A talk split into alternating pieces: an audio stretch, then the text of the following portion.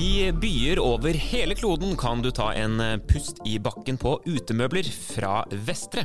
Og nå skal de bygge verdens mest miljøvennlig fabrikk og opplevelsessenter i Eidskog. Hvordan ruster vi oss her hjemme for å gjøre grønn eksport tilgjengelig for markedene der ute? Administrerende direktør Jan Christian Vestre er gjest i Innopoden i dag.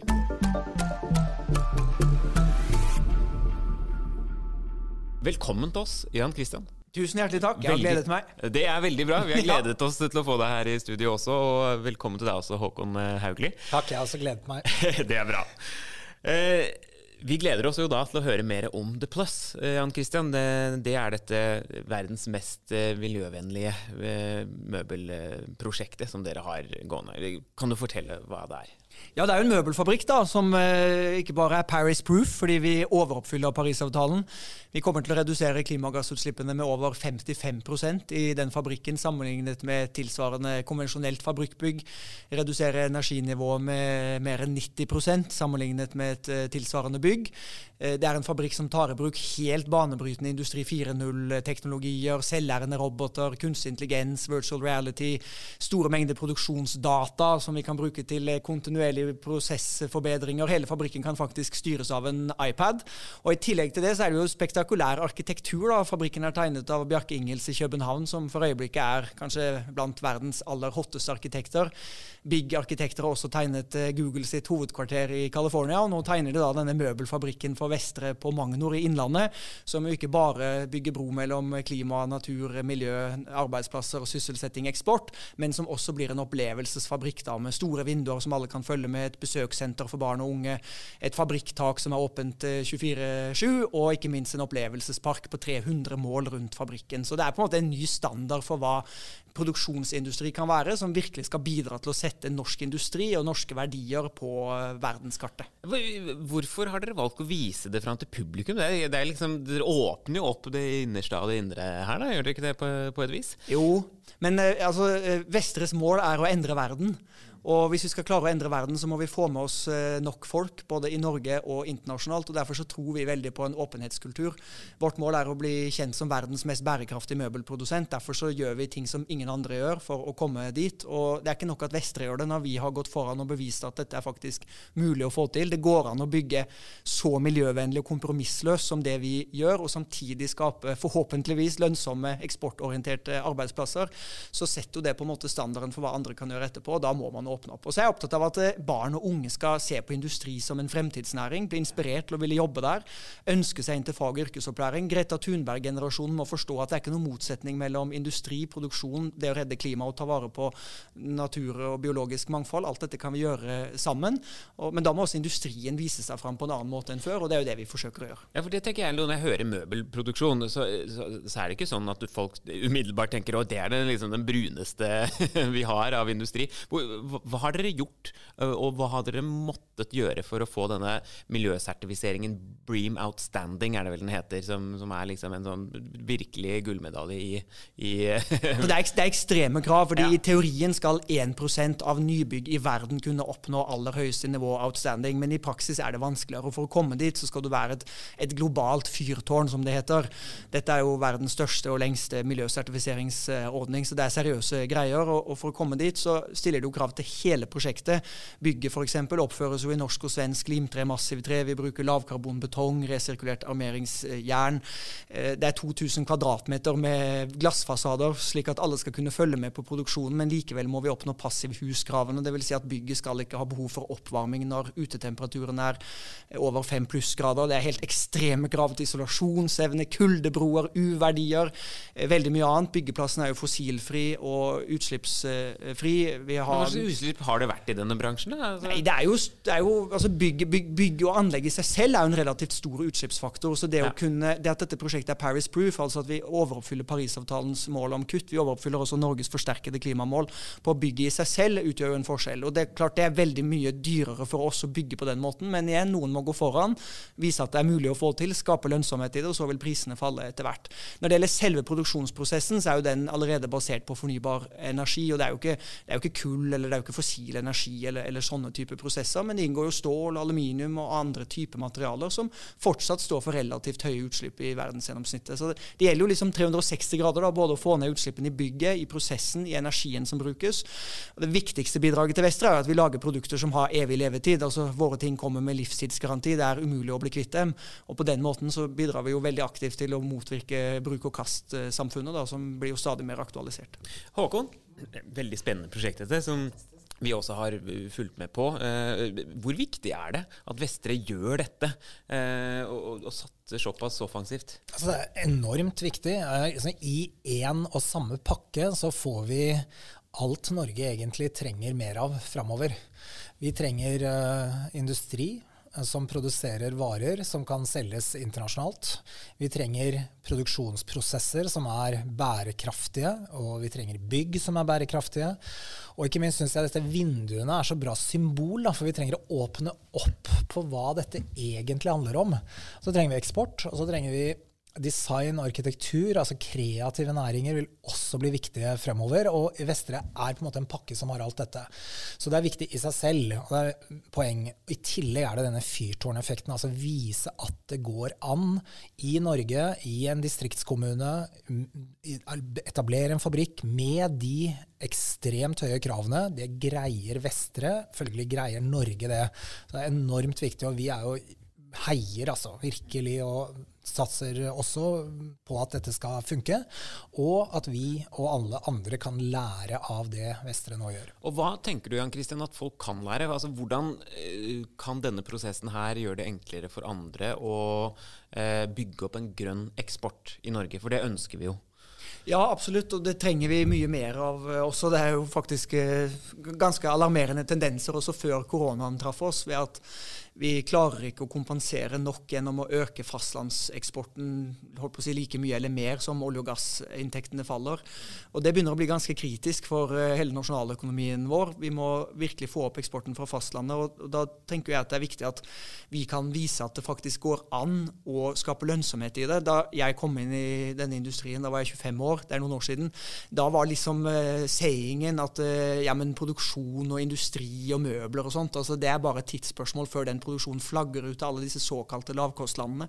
Jeg mener Vi har jo til og med hatt halvoffentlige utvalg som har drevet og lekt seg med ideen om at vi skal ikke drive med produksjon i Norge. Så det å snu det bildet, viser at industrien, ferdigvareindustrien som jeg er en del av, faktisk er en soloppgangsnæring, Viser at vi kan doble eksporten de neste årene, eh, bruke det som et eksempel for å reindustrialisere Norge på, med norske fortrinn, ren energi, bærekraftige materialer, den norske arbeidslivsmodellen, trepartssamarbeidet, høy organisasjonsgrad, høy innovasjonstakt, produktivitet produktivitet, alt det som vi er gode på i Norge, og pakke det inn i merkevare Norge, som jeg vet selger, fordi vi eksporterer jo i mange land, og jeg vet jo hvor viktig det er å komme fra Norge og fortelle den historien.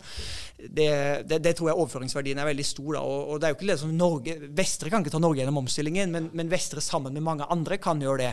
Og det er jo et mangfold av nye og spennende og grønne og lønnsomme fastlandsnæringer vi trenger, som i sum gradvis skal overta den viktige og helt ja, usedvanlig viktige posisjonen olje og gass har hatt i Norge, og fortsatt kommer til å ha i mange år framover. Men, men jeg tenker, kan du spørre deg, Håkon. Altså, kan fastlandseksporten da, kan det bli stort nok til å liksom, kompensere for disse eh, industriene som vi skal gjøre mindre av?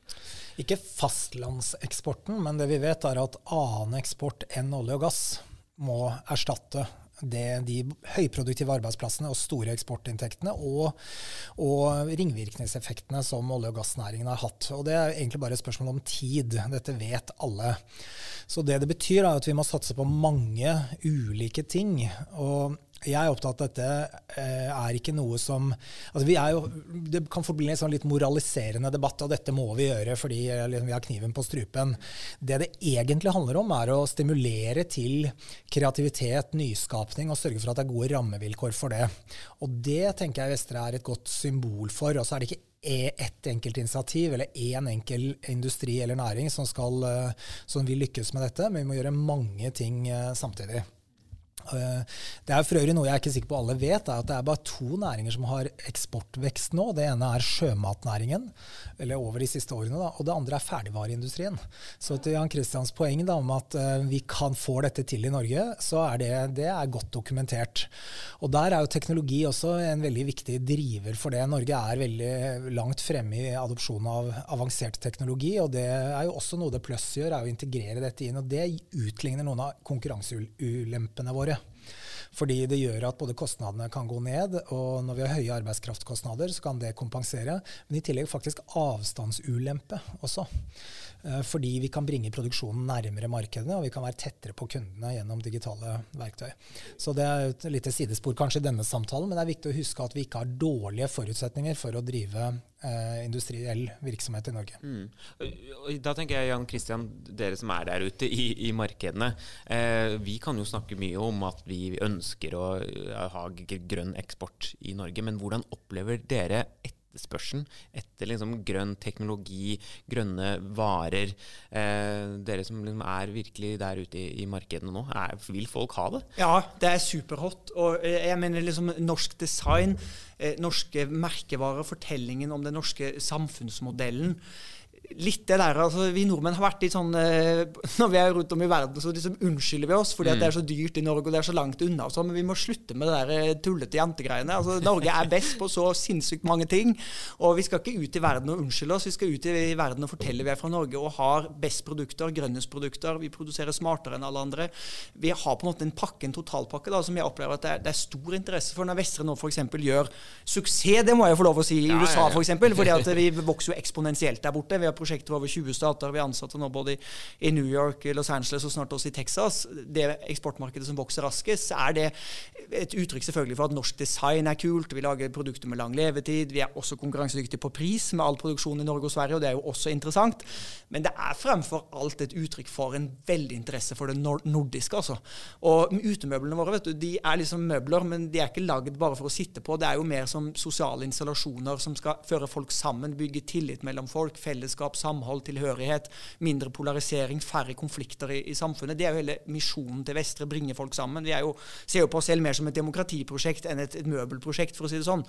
Eh, og, og, det liksom da å, ta med seg allemannsretten ut i verden, sånn som vi gjør f.eks., det tror jeg er en del av suksessen. Må vi da ja. bli bedre til å bygge den norske merkevaren, tenker du, for at ja, vi skal ja, få til grønn eksport? Ja, ja, definitivt. Mm. Det som er norske fortrinn og norske verdier, må vi sette ord på og brande på en måte som gjør at det er ikke pris nødvendigvis som er det viktigste, men det er andre forhold vi kan konkurrere på. Og vi trenger ikke å konkurrere på pris heller, fordi vi er fem millioner innbyggere i en verden på snart åtte milliarder. Altså, markedet der ute for noen som er villig til å betale litt mer for produksjon i et høykostland, men å få unike produkter tilbake med en unik merkevarehistorie. Altså det, vi kan skape industriarbeidsplasser og fabrikker over det ganske land, skal jeg fortelle deg, hvis vi bare bruker norske fortrinn og ser muligheter, ikke begrensninger. Håkon, hvordan eh, skal vi utnytte dette videre da, i vårt arbeid? Nei, altså, jeg er 100% enig i alt. Jeg tror eh, det er helt riktig observert at vi ikke er bevisste, um, egentlig som nasjon, da, hva vi har å, å, by på. Vi er for beskjedne i å fortelle de historiene, og vi har kanskje også for lav kompetanse på hva merkevarebygging faktisk er. Samtidig så er vi forvalter av en fantastisk merkevare som er Norge. Altså Det undersøkelser viser, er jo at etter Sveits så er Norge det landet som kan hente størst merverdi ut av bare liksom, assosiasjonen til Norge. Og det er jo nettopp disse verdiene som er det. Og det er viktig å huske. Det her betyr ikke liksom kvalitet eller en enkeltting, det er sånn summen av mange ting. Og da har jeg et spørsmål til Jan Christian, for jeg hørte en utrolig kul historie om Vestre, og det var at dere hadde fått um, uh, en, en, en, kjøper, en mulig kjøper som ville ha en benk med sånne skiller, sånn at uteliggere ikke kunne ligge på benken. For det var angivelig da, et problem der, da, at de benkene ble brukt. Og dere takket nei, er det jeg ble fortalt. Ja, det er, det er helt altså, det er sånn, virkelig sånn living the values-beslutning. Uh, ja, Men det er liksom, vi er familier, da, og vi kan heldigvis styre av og bestemme selv. Og vi har ikke lyst til å tjene penger på noe vi mener er umoralsk. Og hvis vi har skapt et samfunn der folk ikke har tak over huet, så får man behandle det som et politisk og sosialt problem og løse det. Ikke ved fiendtlig design og fiendtlig arkitektur, altså benker da, som det ikke er mulig å ligge på. fordi det løser ikke et eneste problem. Det er egentlig bare med å forsterke problemet. Men er ikke nettopp dette, verdier også en del av den norske verkevaren, da? Jo, absolutt. Og det er liksom det allemannsretten, da. Ja. Fordi at i Norge, vi, vi, vi, driver ikke sånn i Norge, fordi uterommet tilhører alle. Men andre steder er det jo helt vanlig. og I Storbritannia, Tyskland og så Senest i går var vi borte et prosjekt i USA, i liberale Berkeley, hørte jeg om, fra teamet i USA som liksom likte veldig godt møblene våre, da, men så kommer de inn med disse her uh, fiendtlige installasjonene og sånt. Og det gjør vi bare konsekvent ikke. Så klart vi taper jo noen millioner kroner, da. Jeg har ikke regnet, finregna på det, men det blir jo noen millioner i året i tapt omsetning. Men det er bare det at merkevarene er liksom alfa og omega for oss. Vi må holde fast i den og være opptatt av de verdiene som betyr noe for oss. Og hvis det betyr at vi da må si nei til prosjekter som ikke er kompatible, forenlige med det vi tror på, ja, da får det være sånn.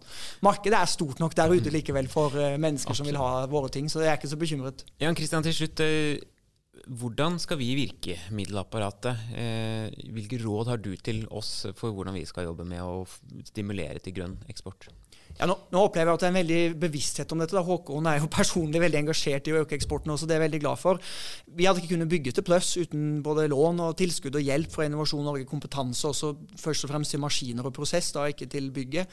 Så vi er veldig takknemlige, men det er klart vi trenger mye mer. og Jeg tror det er egentlig tre hovedgrep Norge må gjøre. Det ene er at vi må vedta et eksportmål. altså Vi må ha noe å strekke oss etter. og jeg mener Det kan ikke være mindre enn at vi i løpet av de neste ti årene skal doble verdien av norsk fastlandseksport. Det mener jeg det er mulig mulig å få til. Svenskene har satt seg tilsvarende mål, og de er ganske flinke på å oppfylle dem, så vi kan bli inspirert av dem. Eh, punkt to, jeg tror vi trenger en kraftig vridning av ressursene i hele virkemiddelapparatet over på prosjekter og rammer og tilskudd og tiltak som raskt kan øke eksport, altså risikoavlastning, eksportutviklingsprogrammer for bransjer og næringer som har spesielt vekstpotensial. Du nevnte sjømat og møbel er jo nå de to næringene med eksportvekst i Norge. Vel, da bør vi ha mer hjelp til dem, sånn at vi kan vokse enda kjappere. Det er litt sånn Målretta, bensin på bålet. Ja. Mm. Målretta. Men ikke mer penger nødvendigvis totalt i virkemiddelapparatet. Det er vel 25 milliarder eller noe totalt man forvalter, men, men en kraftig vridning av de midlene over på ting som raskt utløser fastlandseksport og fastlandsinvesteringer. Fordi, hvis jeg får si det, det er jo en annen ting her, og er, vi prater mye om eksport, men disse eksportarbeidsplassene må jo også skapes. Og det er ganske skremmende å se utviklingen av norske investeringer det siste tiåret. Vi investerte faktisk mer i fastlandsindustrien vår under finanskrisen i 2008 enn det vi gjorde i 2019, før pandemien traff oss. Og så fortsetter vi å øke investeringen i olje og gass. Og jeg er ikke mot det, fordi vi produserer olje og gass renere enn alle andre, så det er bedre at vi gjør det. Men poenget er bare at etterspørselen etter olje og gass kommer til å gå ned. Og hvis vi da ikke har beredt grunnen og investert nok i fastlandsindustrien vår, så er ikke de arbeidsplassene der. Så det er det andre. Og det tredje er at politikerne bør være litt mer eh, djerve, syns jeg. Litt mer tøffe tøffe og sette i gang noen store nasjonale industrisatsinger. Nå får vi et karbonfangst- og lagringsprosjekt. Vi burde selvfølgelig ha to. Eh, Equinor har fått støtte til elleve havvindmøller. Eh, Hywind Tampen, det er kjempebra, men vi skaper ikke en stor eksportnæring av havvind med elleve møller. Det burde vært det, det tidobbelte.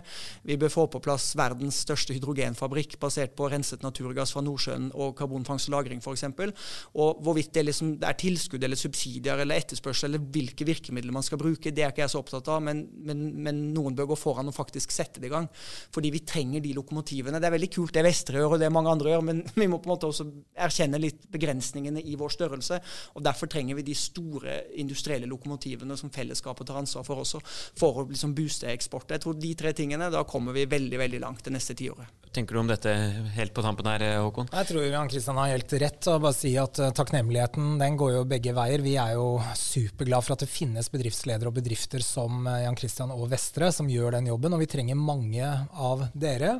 Og eh, når det gjelder eh, eksport, så tror jeg du peker på noe utrolig viktig, og det er sammenhengen mellom investeringer, eller det vi kan kalle næringsutvikling og investeringer hjemme, internasjonale behov og en evne til å binde dette sammen i eh, løft da, som skjer. Og det, i, som bit av dette også um, eh, det vi kan altså Merkevaren Norge, da, altså utnytte det aktivumet vi har der.